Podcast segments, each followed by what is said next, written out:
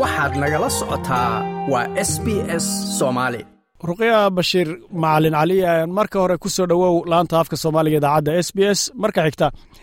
Doorashadii kenya way soo gebagabowday maxkamad ayaana lagu kala baxay.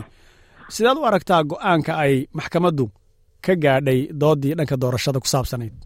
Walaalkey aad baan u dhowahay aadna uga mahadsan tahay fursadan aada waraysiga igula yeelanaysid walaahi petitionkii hadda waa la soo gebagabeeyey maxkamadii waxaana lagu soo go'aamiyey inuu william ruto uu xaq u lahaa uu helay madaxweynaha uu ku guuleystay isagoo helay qiyaastii fifty point five percent. Shardiyanna waxaa weeyaan qofka madaxweynaha u tartamayo waa fifty percent plus one vote inuu ku heli karo. Hadduu intaas u gaarsiiyo uu noqonayo madaxweyne.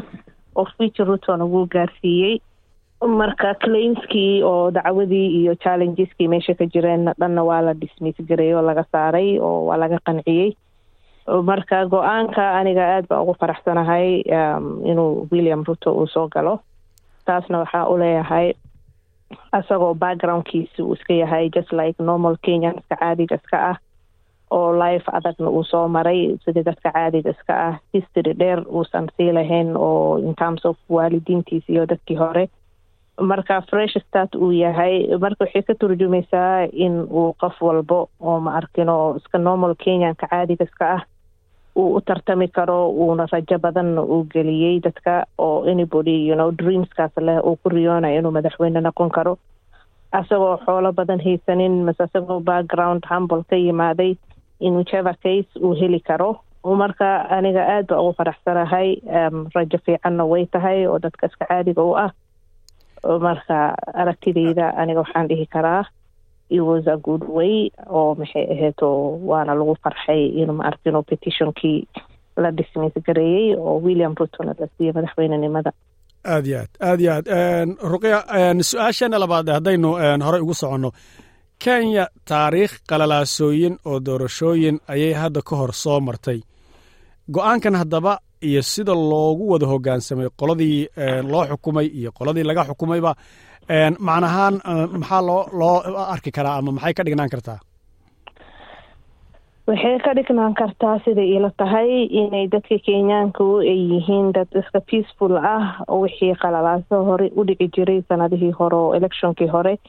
Laga soo gudbay dadka ay diyaar u yihiin wada shaqeyn haddii laga guuleystay xitaa oppositionka ay la jireen marka dad iska peaceful ahoo qalalaasay iyo dagaal iyo waxaa dhan ay ka koreen laga weynaaday laga cibri qaatay unbay ila tahay.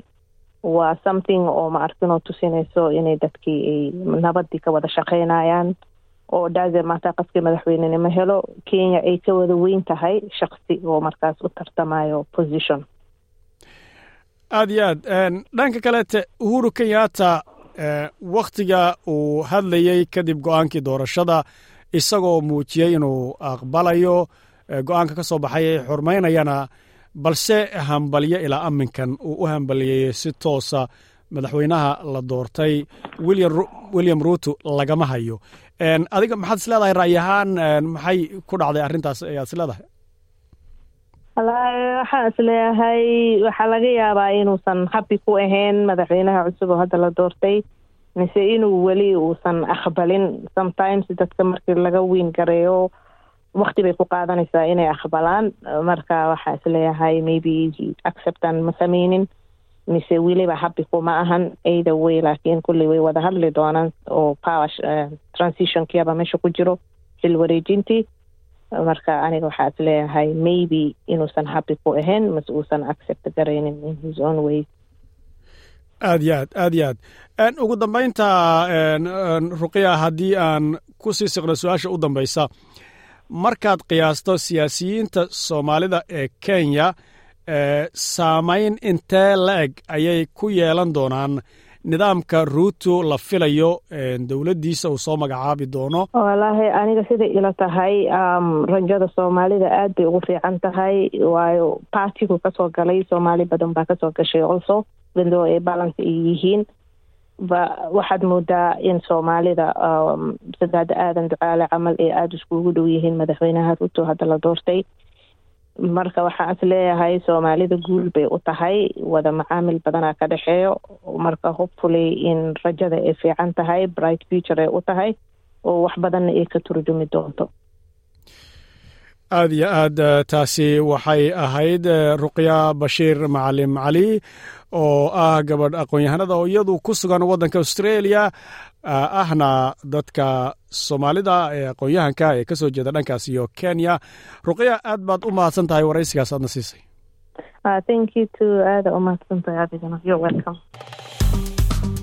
Like as la wadaag wax ka dheh lana soco barta facebooka ee sb s